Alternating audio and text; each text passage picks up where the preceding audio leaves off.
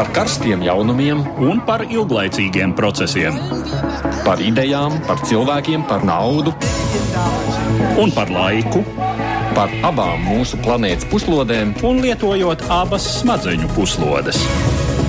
Ēterā raidījums divas puslodes. Aizsmeļamies Tomsons šodien studijā bez Eduarda Liniņa. Eduards ir komandējumā Briselē, kur to pierakst jau nākamajiem raidījumiem. Bet nu citādi nekas nemainās. Mēs ierasti tiekamies ikdienas raidījumā divas puslodes, kad ceturtdienā šajā laikā runājam par to, kas notiek pasaulē. Krievija pirmo reizi daudz gadu laikā samazina savus militāros izdevumus. Turklāt grasās to darīt arī būtiski tālāk. Ekonomisti lēš, ka bruņošanās pašai Krievijai kļūst par nastu. Vai tas nozīmē, ka Krievijas politikā ir gaidām arī kāda mērenāka militārā retorika? Tirzniecības karš starp ASV un Eiropu atlikts uz mēnesi. ASV prezidents līdz jūnijam ir atlicis ievedmuļas paaugstināšanu tēraudam un alumīnijam. Tiesa starp Amerikas Savienotajām valstīm un Eiropu jēdzienu karš diez vai varēs lietot, bet nu, kādas varētu būt tās ekonomiskās attiecības starp abiem politiskiem smagsvariem, ja neizdosies vienoties? Un vēl tā kā Latvija rīt svin savu neatkarības atgūšanas dienu, mēs veltīsim plašāku uzmanību tautu pašnoteikšanās tiesībām Eiropā. Visredzamākā cīņa, protams, ir Katalonijā, Spānijā, taču Latvija nepavisam nesteidzas atbalstīt katalāņus, kur politiķi par saviem centieniem tagad sēž cietumā. Tie klausītāji, kas lieto Twitter, ir lūgti tuvākajās minūtēs atbildēt uz jautājumu, vai jūsuprāt katrai tautai ir tiesības dibināt savu valsti. Izvēlieties, lūdzu, no tiem iespējamiem atbildžu variantiem. Nu, tur jau ir tikai jā vai nē. Iespējams, arī komentēt, protams, un nobalsojiet šo Twitter jautājumu. Jūs varat atrast Latvijas radio viens kontā. Nu, protams, gaidām jūs arī komentārus mūsu mājaslapā. Šobrīd studijā bez manis ir arī Austrumēropas politikas pētījuma centra izpildirektors Ants Kudors. Sveiks! Labdien! No Latvijas ārpolitikas institūta pētniece Elizabeta Vizgunova. Labdien! Un arī publicists Sota Ozols. Sveiki! Labdien. Bet mēs sāksim gan raidījumu ar dažām ziņām īsumā.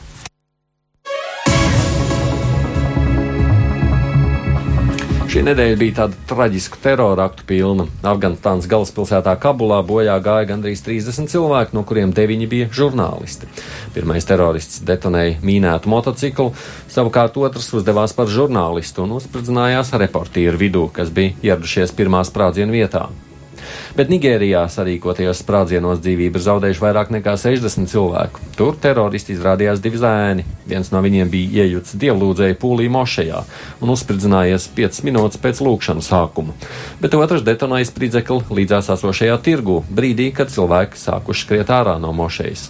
Diemžēl situācija pasaulē mierīgāk nepaliek. Nemierīgi bija arī 1. maijā Parīzē, kur 1. maija demonstrācijā tika aizturēti gandrīz 300 cilvēku. Demonstrācijas šajā dienā, protams, notika daudz vietu pasaulē, taču agresīvākas tās ir bijušas Francijā. Tur jaunieši kapucējas aizdedzināja McDonald's restorānu un vairākas automašīnas, protestējot pret Francijas prezidenta Emanuela Makrona reformām valsts sektorā. Nekārtības provocējis esot arī konflikts starp policiju un antikapitālistu spoteriem, kuriem Francijas rietumos policija nojauca apmetni. Makrons nosodīja šo vardarbību un savā Austrālijas brauciena laikā Twitterī solīja, ka tiks darīts viss, lai vainīgie tiktu noskaidroti un saukt pie atbildības par savām darbībām.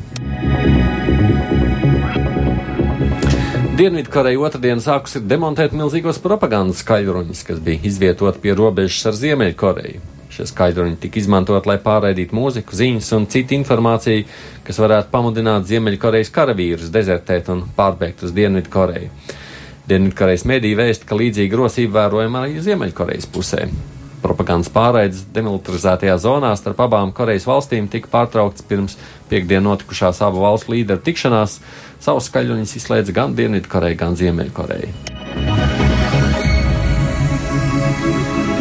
Kaut kas mazliet no citas operas, sakot tā, Skotija no otrdienas kā pirmā pasaulē ir noteikusi minimālās pieļaujamās alkohola cenas cerot, ka tas palīdzēs ierobežot šūpību. Tagad tirgotāji par vienu alkohola standarta vienību, jeb 10 ml tīra etilspirta nedrīkst prasīt mazāk par 50 pensiem, jeb 57 centiem. Attiecīgs likums tika pieņemts jau 2012. gadā, bet tad Skotu viskija asociācija to apstrīdēja Eiropas tiesā, tā savukārt lietu nodeva Lielbritānijas tiesai, un tā likumam deva zaļo gaismu. Skotijas premjerministra Nikola Stēržena jau ir paudus lepnumu, ka Skotija pirmā pasaulē ir izrādījusies pietiekami drosmīga spērt šādu soli, atgādinot, ka arī īri un vēlas noskaņots ievies līdzīgas schēmas. Visinteresantākie notikumi tomēr šajās dienās risinājušies ir Armēnijā.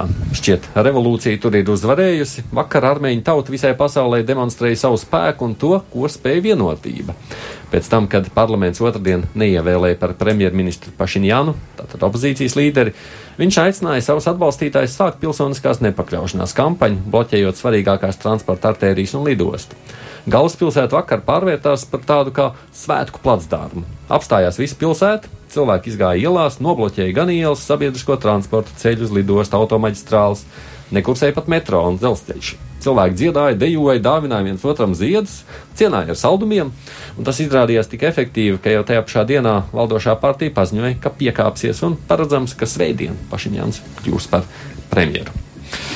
Es arī gribētu atļauties mazliet atkāpties no tās ierastās raidījuma kārtības un pirms ķerties par tiem iepriekš minētiem tematiem plašāk. Mēs par Armēniju runājam jau divas nedēļas pēc kārtas šeit raidījumās iepriekšējos.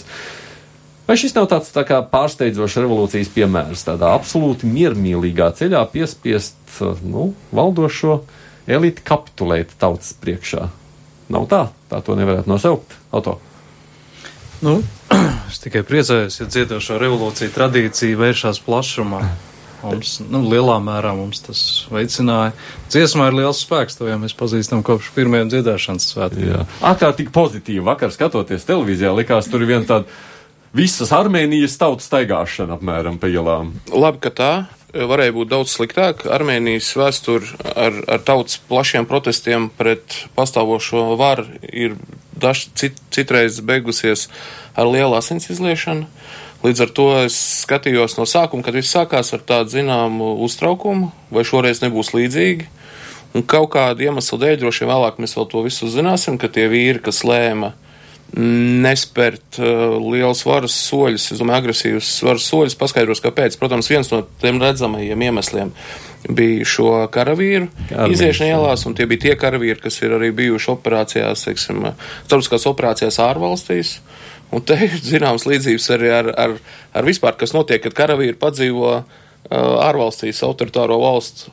Varam skatīties, kas notika 19. gadsimtā, kad Krievijas karavīri nāca atpakaļ no Francijas.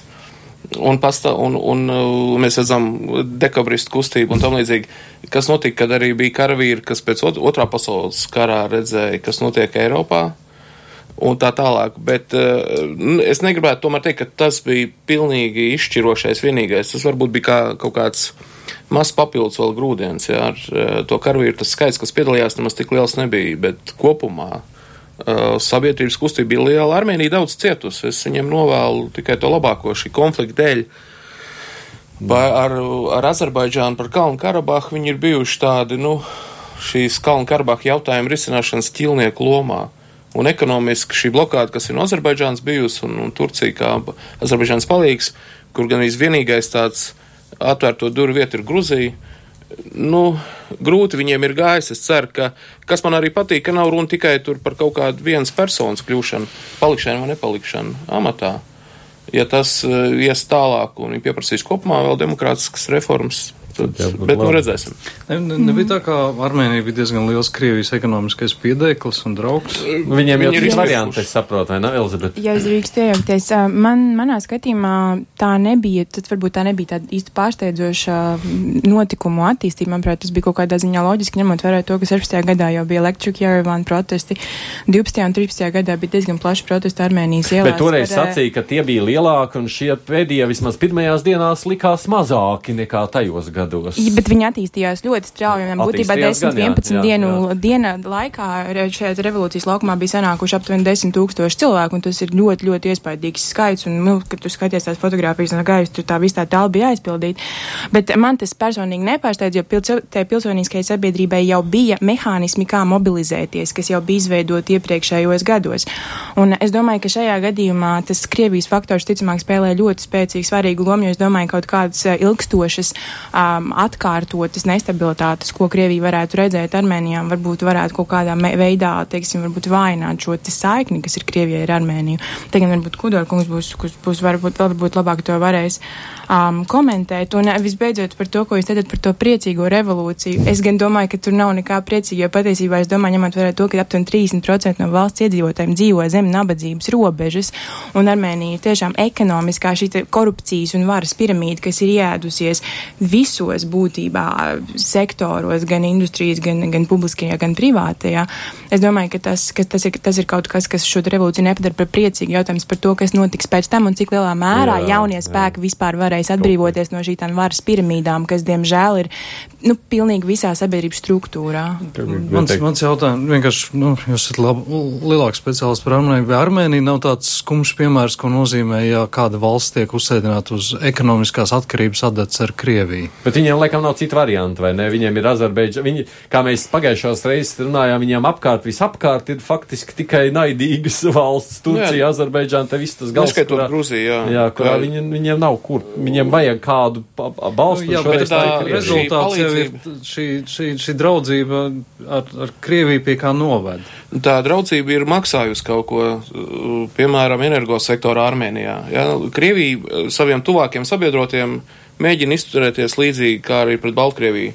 Tad, kad Baltkrievijā ir krīze vai Armēnijā, kad ekonomiskās problēmas, tad ar vienu roku Kremlis dod un ar otru atprasa. Ja? Tas atprasīšana notiek ar, ar pieprasīšanu pārdot strateģiskos resursus. Energo uzņēmumi, piemēram, Armēnijā piedara Krievijai. Ja? Tā, tā palīdzība, lai kā arī runātu skaisti Kremļa vīri un sievas par par eh, brālīgajām tautām un palīdzību aizkulisēs vienmēr notiek darījumi. Un tie nav tad par labu tiem, tiem pat tuvākiem sabiedrotiem. Tā jau varētu būt vienīgais, es piekrītu, es šim tematam nevaru daudz laika veltīt vēlreiz.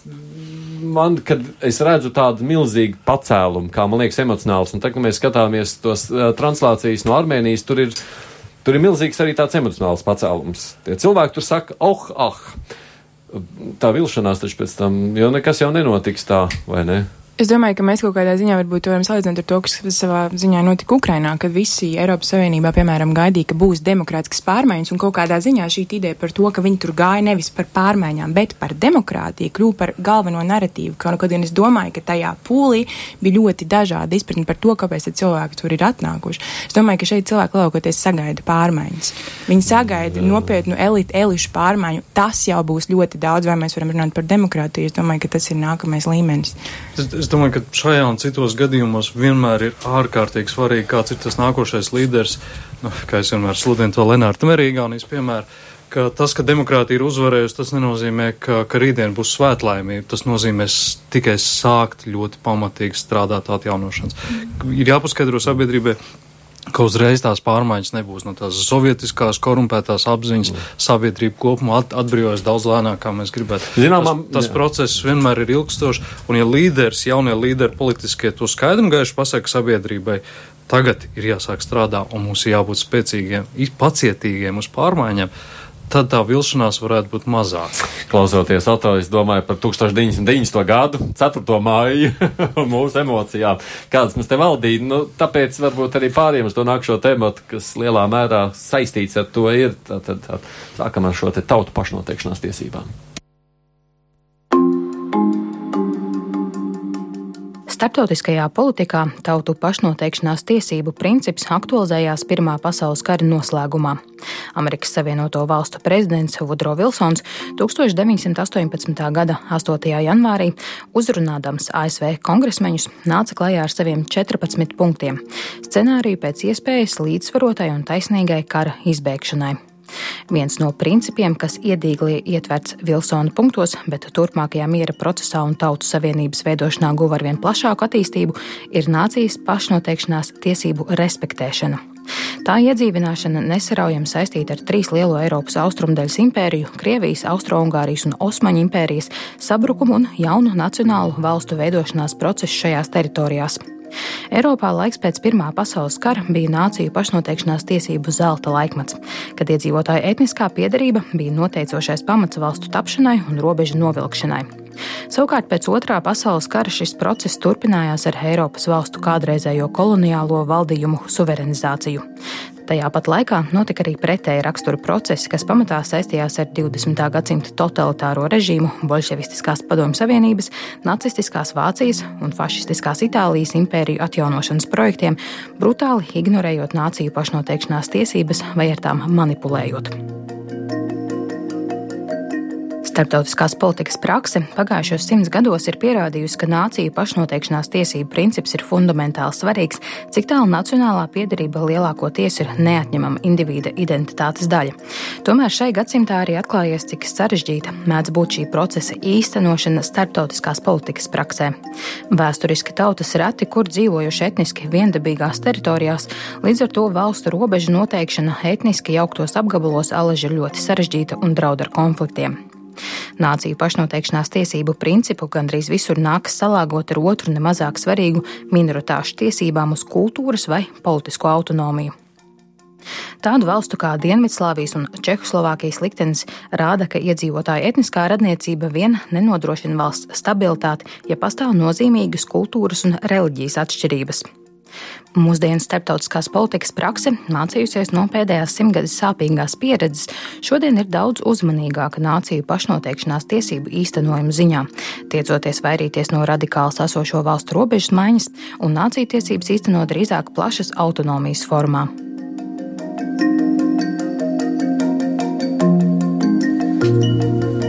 Atgādini, kopā ar mums ir arī Elizabete Vizgunova, Andris Kudors no tā Ozols. Es pareizi saprotu to politisko attieksmi, ka šobrīd vairs tas noteicošais nav kādas konkrētas tautas griba, runājot tagad par valstīm un robežām, drīzāk tā vecā status, status quo saglabāšana.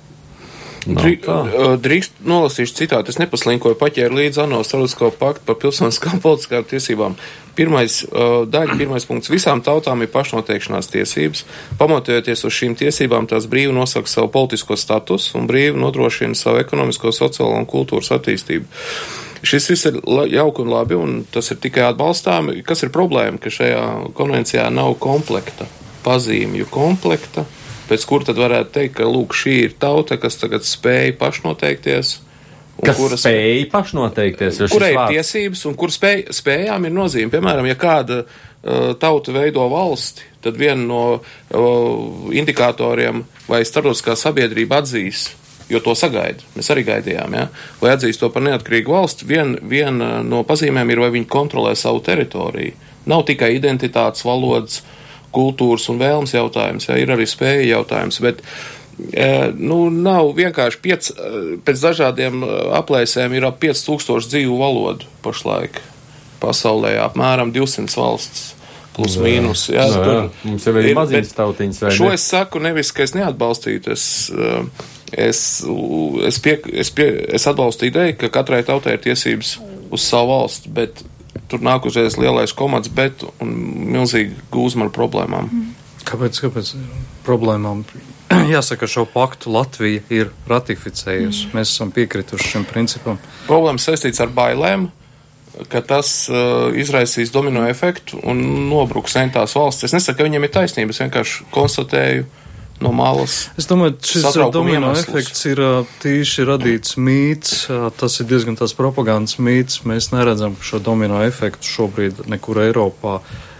Tie ir varbūt atsevišķi marginālas grupas par to bļaustās vai, vai klaigā vai runā, bet lielākajā daļā no šīm tā saucamajiem separātiskiem reģioniem uh, šim separātismam atbalsts ir nu, 5-10% robežās, ne vairāk. Ja es drīkstu, jā, es domāju, ka tie tīri legāli skatoties, es domāju, ka pašnoteikšanās ir jāatšķir no separātisma vai atdalīšanās no valsts teritorijas. Un man liekas, ka mēs šeit runājam par vienu no. to pašu lietu tajā pašā terminoloģijā. Tas ir divas atšķirīgas lietas. Tieši pilnīgi. tā, vai ne? Un, un tādā gadījumā, ja mēs, teiksim, skatāmies uz to Katalonijas piemēru, tad ļoti bieži tā analīze ir, ir gluži vienkārši, kas, nu, kad, kad par viņu tiek domāts, ka Katalonijai bija pietiekami liels tiesības uz pašnoteikšanos, iespējams, ka Jā. viņas bija jāpalielina, Jā. bet eh, tanī, un tāpat laikā cilvēkiem noteikti bija jādod šī tiesība par, savu, par, par sevi nobalsot, un tam, tam varbūt būtu jābūt arī noticis, jo tā vispārējā tendence Eiropas Savienībā šobrīd ir, ka cilvēki ļoti grib veikt referendums, un tas ir balstīts arī uz dažādu aptauju datiem, bet arī pat laikā par šīm marginālajām grupām, ko jūs minējāt, tas būtu ļoti uzmanīgi. Es domāju, ka šie ļoti spēcīgie populisma narratīvi, ko mēs šobrīd redzam Eiropā, viņi nav gluži margināli.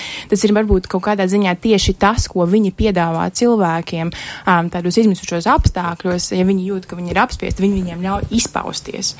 Uh, un te, te es arī varbūt varu norādīt, ka, piemēram, par atdalīšanos no Eiropas Savienību pašā Spānijā referendumu vēlētos noturēt 63%. 10% iedzīvotāji. Atdalīties nevēlētos neviens, bet tādu referendumu noturēt. Pašā Spānijā 63%. Tiesības to izlemt, protams. Tieši tā, un, un tas ir visās valstīs. Jo, es jau jautāju, kas ir tas, kas nosaka, būt atsevišķā valstī vai nē? Es domāju, ka to ir diezgan vienkārši akadēmiskajā vidē nav grūti identificēt, kas ir tauta, kas ir nācija, kas dzīvo savā vēsturiskajā teritorijā, un to var diezgan skaidri redzēt. Piemēram, Lielbritānijā nebija nekādas problēmas konstatēt, ka skoti ir nācija, ka skoti ir tauta, Un, uh, lai kā varbūt viņam nepatīk šī doma, ka skoti varētu atdalīties, bet viņi svēti uh, cienīja to principu, ka viņiem ir tiesības izvēlēties. Un viņi teica, mīļie skoti, mēs jūs cienām, mēs respektējam šīs jūsu tiesības, mēs ļoti gribētu, ka jūs palikt ar mums kopā, bet te bija dialogs.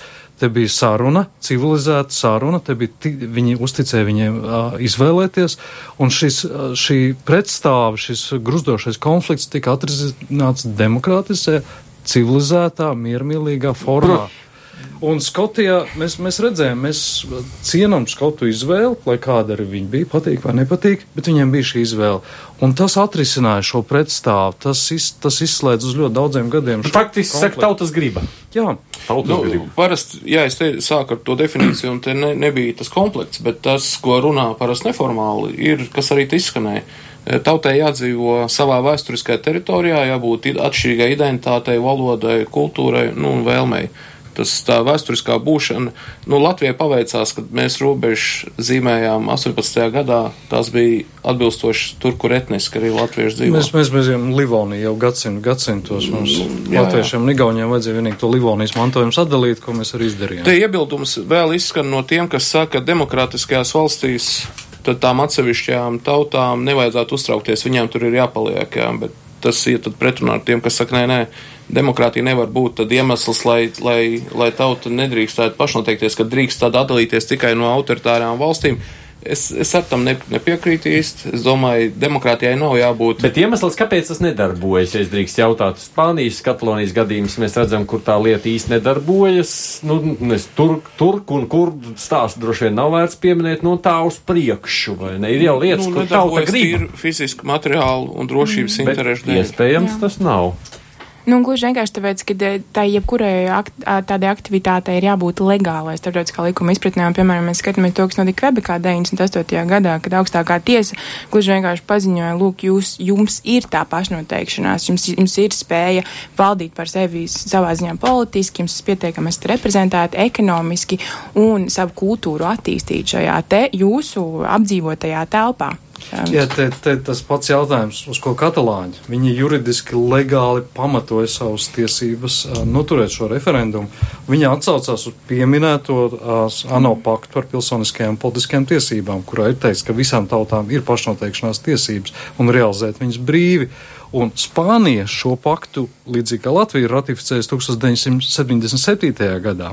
Un Spānijas tajā pašā konstitūcijā ir rakstīts, desmitajā daļā, otrajā paragrāfā ir rakstīts, ka Spānijai ir jāievēro starptautiskās apņemšanās pašu parakstītās vienošanās. Ja gadījumā vietējie likumi ir pretrunā ar šīm vienošanām, tad jāievēro starptautiski parakstītās. Viņi ir parakstījušies apakšā zem vārdiem, ka tautām piedienu brīvas pašnoteikšanās tiesības.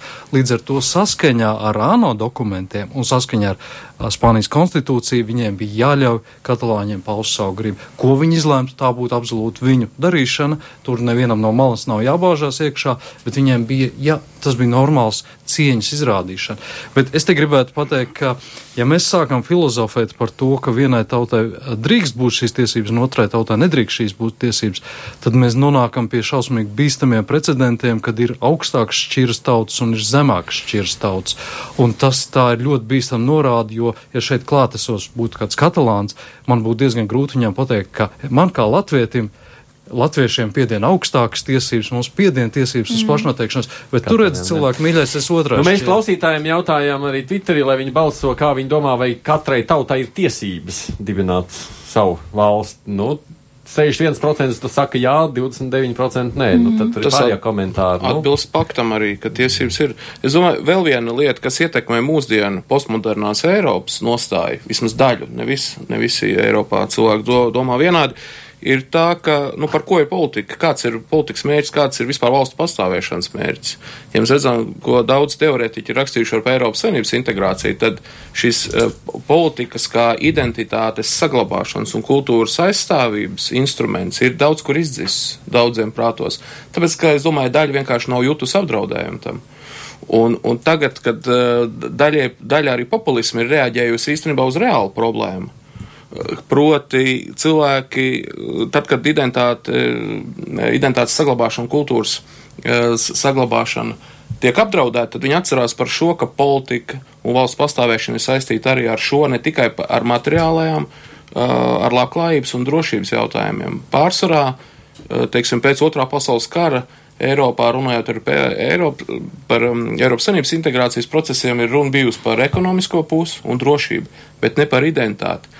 Un tas tagad, tas, kas ir bijis pastumts malā, daļai nācis sprādzienveidīgi arī ar populismu kopā, bet tas nenozīmē, ka ka tā, ka tā nav reāla problēma. Te ir jāatcerās, un es citēšu atkal Lenārdu Merismu, bet tā ir kopumā Eiropas ideja. Jo uz kā pastāv impērijas parasti, kas pastāv, impērijas pamēģina mēģina iz, iz, iznīdēt dažādību, mēģina vienot, padarīt vienu valodu, uzspiest, nonivelēt kulturālās atšķirības. Eiropas fenomens ir tieši pretējs. Mēs esam, mūsu radošums, mūsu spēks slēpjas dažādībā. Tas, ka mēs esam dažādas tautas, dažādas kultūras, dažādas identitātes, tie ir mūsu pamati. Mēs esam vienoti daudzveidībā, vai mēs esam, mūsu spēks ir daudzveidība vienotībā tas ir tas Eiropas fenomens, un tāpēc mums ir katrā, katrai tautai jādod šīs tiesības nu, nosargāt savu identitāti, valodu, kultūras un savstarpēji bagātināt. Rudolfs raksts neviens nav teicis, ka pasaulē tiesības kāds ievēro. ja es drīkstu, es domāju, ka šobrīd tā tendence, ko mēs redzam Eiropas saimnībā, kas ir tīri par kaut kādu kodola un ārējo tādu valstu izveidošanos, ir tieši, tiešas populisma sekas, vai ne? Tas ir tas, ko mēs redzam, un ļoti bieži populisms ir balstīts tieši šajā te um, nacionālistiskajā risinājumā. Un tajā, tajā es domāju, ka. Um, šī ideja par dažā Eiropu, kas ir dažāda, dažāda, ir tiešām svarīga. Un es domāju, ka tā vienmēr paliks tās fundamentā. Bet skatoties nākotnē, ja mēs 2050. gadā redzēsim Eiropas Savienību, ko sastāv 98 dažādas valstis, tā vietā, lai mēs domātu par kaut kādu kopīgu no, risinājumu, no, no, no kas ir 98 dažādām pārnacionāls. Es domāju, ka uh, tie precedenti ir pietiekami daudz, un teiksim, šī multiplikācija, piemēram, ko mēs redzam, piemēram. es domāju, ka tā multiplikācija, ko mēs redzam Eiropā, kur ļoti bieži, redziet, es, es saprotu, teiksim, to legālo nošķīrumu, bet ļoti bieži tiek runāts, ka mums taču ir tiesības uz tautai kā uz pašnoteikšanos, teiksim, Austrumu Ukrainā. Ne, es, es, es jums um, jautāju konkrēts piemērs. Man saka, ka tuliņa Eiropas sašķīdīs 98 tautiņās un valstiņās. Lūdzu, nosauciet šos piemērus. Es, konkrēts, kas, kas ir nākošie? Tas, ties, tas patiesībā ir konkrēts citās no Žana Kloda Junkera, ko viņš tā kā nu, bija minējis. Es domāju, ka droši vien arī lielā mērā, Jum, laikam jau tās pārējās tautas. Eiropā sen neviens nopietni neņem, es arī jums neieteiktu. Viņam garšo stiprāk dzērienu, to jau es domāju, redzējām, ka gaismas pilī, kā viņš uzvedās. Es domāju, ka tā ir tā problēma. Nosauciet jūs lūdzu, kas ir vēl. Es zinu skotus, katalāņus, nosauciet nākošos, kas varētu. Ziemeļu un dienvidu Itālija, piemēram, es domāju, ka tā ir ļoti nopietna problēma, kas nākotnē būs jārisina, par ko būs jādomā. Ziemeļu un dienvidu itāliešu tautas, es nezinu. Ne, Nāvi, Normans, nav, tas ir. Normans raksta šādi, Latvija pielieto pilnu autobusu sindromu, kamēr paši neesam iekšā, tikmēr bļaujam, laidiet iekšā. Kad paši esam iekšā, kliedzam, nu ko jūs grūstaties? Tas pat Katalonija viņa prāt skatījumā. Ka jebkurā gadījumā mēs redzam, tas temats, protams, interesē un arī latviešus nu, nevis šķēļ, bet tomēr tās diskusijas raisa mūsu pašu vidū. To nu mēs šeit manām, bet es gribu iet uz priekšu nākošajos debatos, jo laiks arī steidzās. Pievēršamies pilnīgi citam aspektam šobrīd - ASV, Eiropas attiecības, bet ne tikai. Marta sākumā Baltais nams paziņoja par plāniem piemērot ievadu muitu tēraudam un alumīnijam. Toreiz ASV prezidents Trumps uzsvēra, ka daudzus gadus no ārvalstīm tiek ievests un pārdotas preces par dempinga cenu. Tas graujot vietēju uzņēmumu konkurētspēju un samazina darba vietu skaitu. Jaunie muitas tarifi neiepriecināja ASV tirdzniecības partnerus un sākās pārunas par iespējām tos nepiemērot. Līdz šim panāktas principiāls vienošanās ar Argentīnu, Austrāliju un Brazīliju, bet ar Dienvidkoreju tāda jau provizoriski noslēgta. Proti, Dienvidkoreja tiks atbrīvota no tarifiem uz nenoteiktu laiku, apmaiņā pret tērauda eksporta samazināšanu uz ASV par aptuveni 30%. Savukārt tarifu piemērošana Eiropas Savienībai jau otro reizi uz mēnesi ir atlikta, jo turpinās sarunas par iespēju šos tarifus nepiemērot. Ja tarifi tomēr stāsies spēkā, Eiropas komisija sola ieviest atbildes tarifus pret populārām amerikāņu precēm.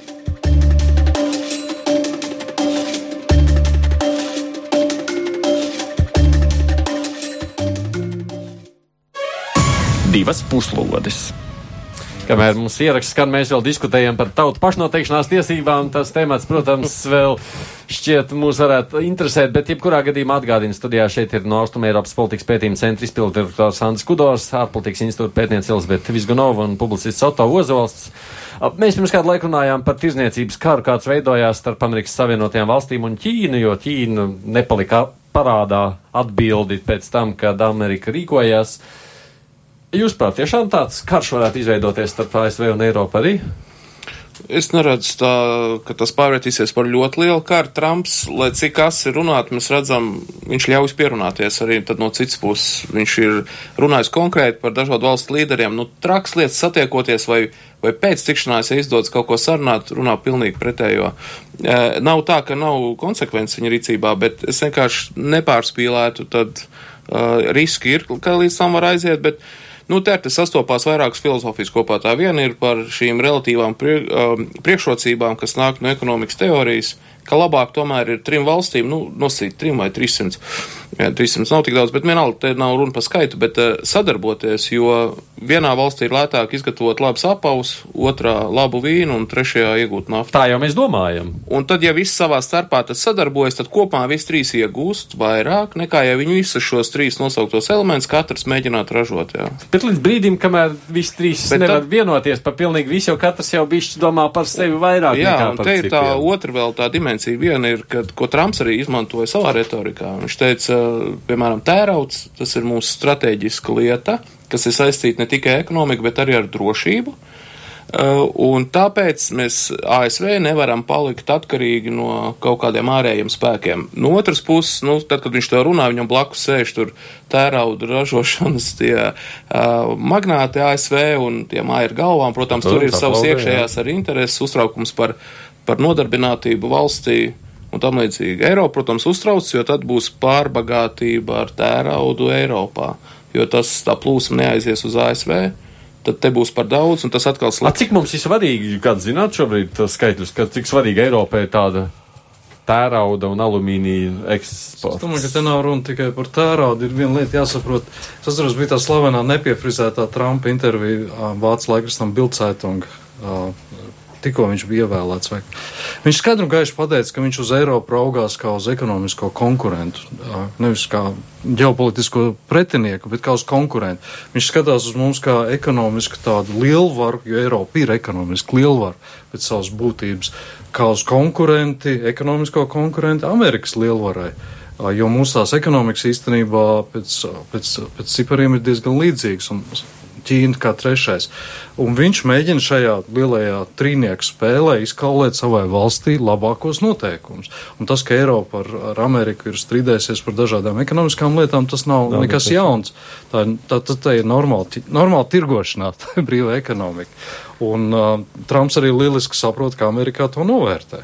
Nu. Kāds izskatās no ekonomista viedokļa? Mums ir sevi ekonomists Dainis Gašpuits, dzird mūs šobrīd pie klausulas. Halo! Labdien! Sveicināti, Aidi! Sakiet, kā tas izskatās no ekonomikas viedokļa? Cik tas ir būtisks jautājums? Tas, ko mēs redzam, ka pat runas par iespējamām tirdzniecības tādām saspīlējumiem, jeb karu rada uzreiz tūlītēju ietekmi uz noskaņojumu finanšu tirgos. Mēs redzējām, ka visu aprili šīs runas ietekmē gan dažādu aktīvu cenu, gan arī tā skaitā naftu Un uh, arī, ja skatāmies aprīļa datus, tad, zināmā mērā, tas ir arī nu, viens no faktoriem, kas varētu būt vājinājis noskaņojumu, piemēram, Vācijā. Uh, jo Vācija ir ļoti atkarīga no eksporta, un katrā ziņā viss šīs runas par iespējamiem starptautiskās tirzniecības kariem arī ietekmē ražotājs, tā skaitā eksportētājs, kas arī nozīmē to, ka nu, šobrīd šis noskaņojums kopumā Eirozonā ir nedaudz uh, gājis uz leju.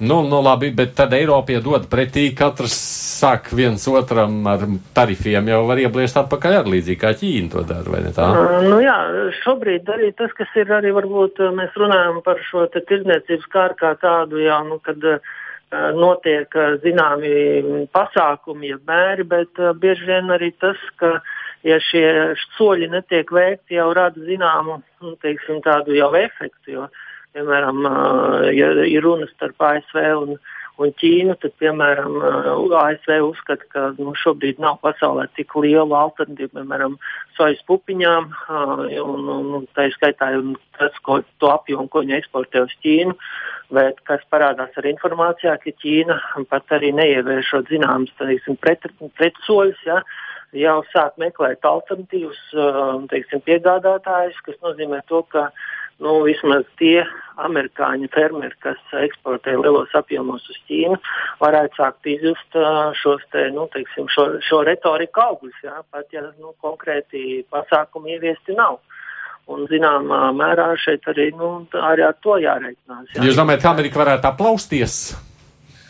Nu, katrā ziņā zināma, teiksim, pat Trumpa atbalstītāja bāze, tīpaši tajos fermeru un to fermeru vidū, kas atbalstīja un tie, kas, teiksim, audzēs šos sojas pupiņus, varētu izjust zināmu spiedienu un arī šos rezultātus, ko nozīmē savā ziņā nepārdomāt arī retorika. Jā. Bet nu, no tāda biznesa viedokļa jāsaka, ka šis savu seks tomēr atstās, jā, tiem uzņēmējiem. Nu, zināmā mērā varbūt šobrīd mēs to vēl nevaram pilnā, pilnu spektru nodefinēt, bet kā mēs redzam, ka valsts jau sāk skatīties pēc alternatīvām, kā, kā mazināt šo potenciālo efektu. Pat ja, piemēram, šī tirzniecība, nu, teiksim, ne, šī, šī tirzniecības karš nenotiks, jā, bet katrā ziņā būs valstis kā Ķīna, kas sāk skatīties, kā potenciālu šo risku nākotnē mazināt. Un katrā ziņā tas varētu būt ne īpaši pozitīvi.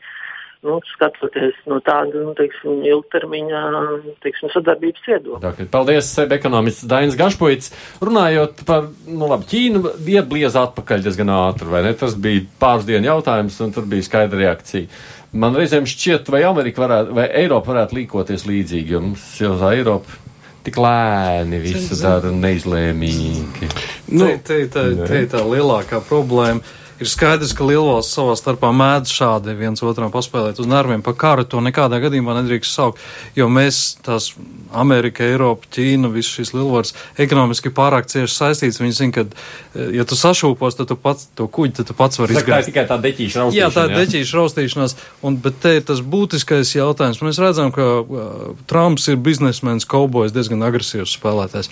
Jautājums ir, vai pašreizē Eiropas komisija vai Eiropas vadība ir tikpat spēcīga, mm -hmm. vienota, enerģiska, dinamiska un spējīga mm -hmm. atbildēt viņam precīzi. Un gribas uzreiz atbildēt uz tavu jautājumu, nē, vai ne pareizi? Tieši tā, te ar Trumpu vajadzētu īst, tiem, kas grib runāt ar viņu, cīnīties par kaut kādiem saviem nosacījumiem, vajadzētu īstenot viņa paša taktiku. Tā ir tāda tirgošanās taktika, kad runā par cenu, kad divi koboji runā par, par cenu, par kādu zirgu pirks vai pārdos. Un ir jāsāk no liela attāluma. Trumps politikā ne tikai šajos jautājumos, bet daudzos citos ir sācis parasti ar milzīgu atvēzienu, ar kaut ko ļoti skaļu, lielu, ar spēcīgiem draudiem. Tas pats bija ar Ziemeļkoreju. Jā, šis tā ir viņa taktika, ko viņš acīm redzot ir īstenojis arī uzņēmējdarbībā. Viņš tagad to pašu dara starptautiskā politikā, kas ir, kur ir nelauts samulsums, ka, ka daudz eiropiešu nav raduši tā. Un varbūt ne visi politiķi ir bijuši, es domāju, lielākā daļa nav bijuši uh, nodarbināti uzņēmē darbībā vai arī paši bijuši lieli īpašnieki. Es domāju, te drusciņi vajadzētu pamācīties, kā komunicēt ar, ar tādu uzņēmēju un ir vajadzētu badīties pretī un beigās pie kaut kā nonāks un vienosies. Badīsies, kā tev šķiet? Nu, man ir grūti pateikt. Es domāju, ka mm, lielam tas ir um, vēl viens um, simptoms, teiksim, um, tā kaut kādai šī brīža ASV un Eiropas tam attiecību statusam, kāds viņš ir.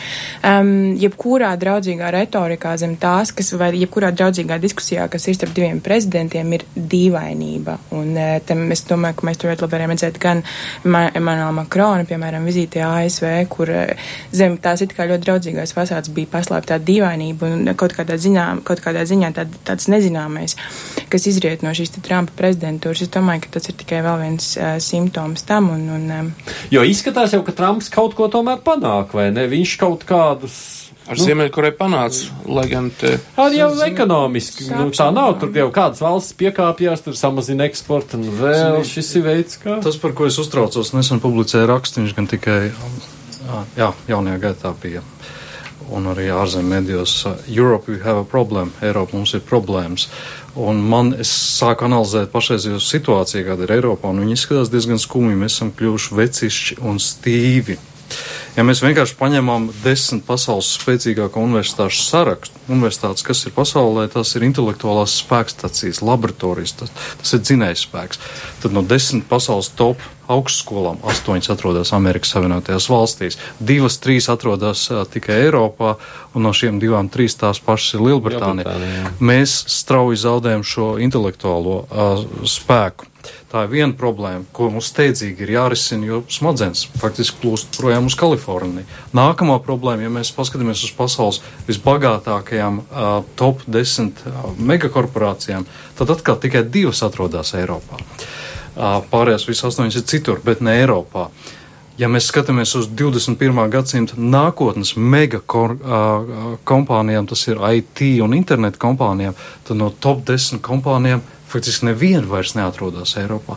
Mēs no ražotājiem, no izgudrotājiem, no, no strādniekiem esam pārvērtušies par patērētājiem. Mēs lietojam amerikāņu kompjuterus, kas ir izgudroti Amerikā, mēs lietojam amerikāņu internetu, viņu, viņu internetu platformas un, uz, uz, uz iekārtām, kas ir no, ražotas Ķīnā. Bet šajā ziņā Amerika rulē vēl pirms Trumpa, kā mēs redzam. Jā, Trumps tikai vēl papildina. Es domāju, ka mums jāskatās fundamentāli, jo mēs paliksim arvien vājāk un vājāk pretī tādiem kobajiem kā Trumps, jo viņa pusē ir jauda, zināšanas, smadzenes. Es eju priekš nākšo tematu, jā? Jā, ejam vēl vienu tematu, vēl vienu ziņu, ko es gribēju tomēr šodien pieminēt. Tas ir stāsts par nu, mūsu blakus austrumu kaimiņu.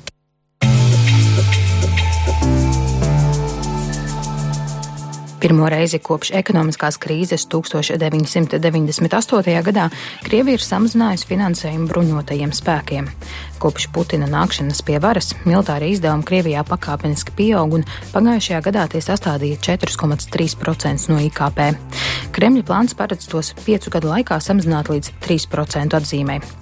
Optimistiskākajā scenārijā to varētu sasniegt iesaldējot militārajai jomai paredzēto summu un samazinājumu panākt ar ekonomisko izaugsmi. Taču izaugsmi Krievijai tuvākajos gados sola gausu un IKP diez vai pieaugs vairāk nekā par 2% gadā. Daudz reālāk ir iespēja, ka samazinājums tiks panākts ar drastisku budžeta nogriešanu. Šo lēmumu galvenokārt saista ar pret Krieviju vērstajām sankcijām. Kopš Krīmas aneksijas Krievijas ekonomika ir smagi cietusi, un Putins paziņojis, ka ir laiks uzlabot Krievu dzīves līmeni. Par spīti taupības režīmam Krievijas militārais budžets ir un arī turpmāk būs viens no lielākajiem pasaulē.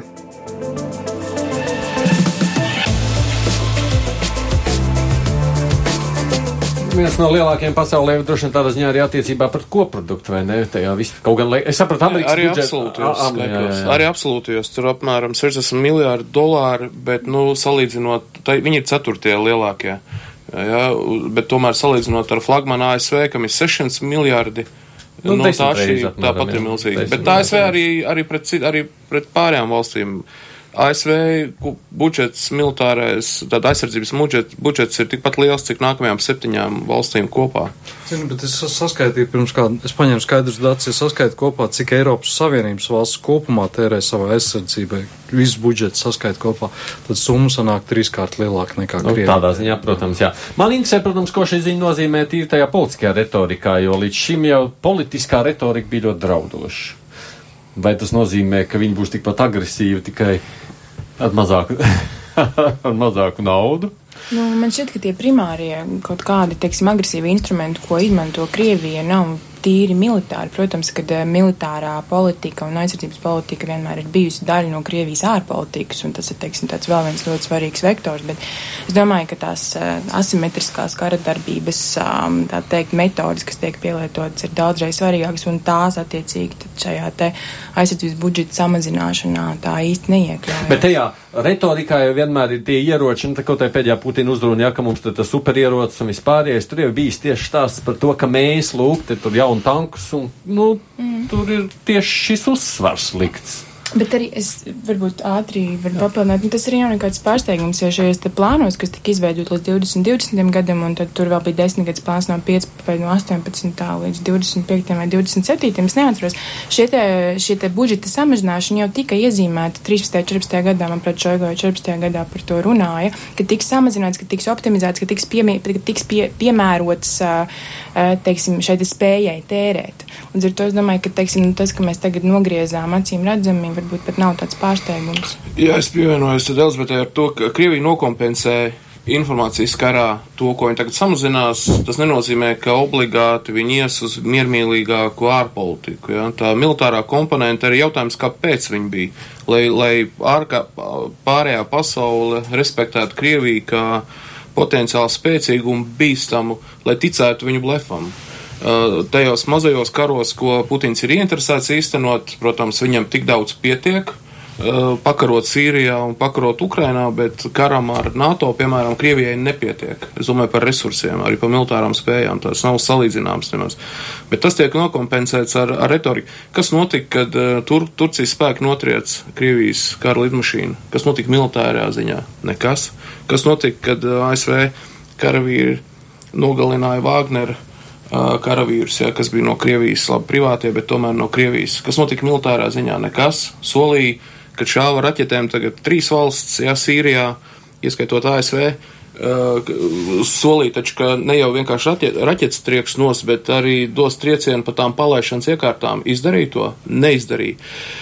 Uh, te, es domāju, svarīgi ir atcerēties, kāpēc vispār Putins šo dara. Un te, manuprāt, palīdz ideja par to, ka galvenais mērķis šīm lielajām strateģiskajām ieroču žvadzināšanām ir Krievijas varas elites varas saglabāšana, status quo saglabāšana. Putins ir ievēlēts, sasolīja ļoti daudz ekonomiskajā ziņā, sociālajā runāja to, nu, runāja pareizas lietas, ka cilvēkā ieilgūt un tam līdzīgi. Un, uh, militārais izdevumos nogriežot, nu, tas ir tāds. Mm, labi, tas ir sāpīgi noteiktai daļai, tur šaurai Krievijas, jā, es domāju, tur uh, tie, kas saistīti ar to kompleksu militāru rūpniecisko, bet kopumā tas nav tik sāpīgi, un nu, viņam nāksies kaut ko darīt, lai tauta var nedaudz at, uz, uzelpot. Nu, vienkārši tā situācija jau nav veselīga, stagnācija bijusi daudz gadus, bet uh, tas izrāviens, ko viņš runā, modernizācijas, viņš nav iespējams Krievijā. Krievija vēsturiski ir spējusi īstenot modernizāciju ar, ar dzels stieni un ar asinīm.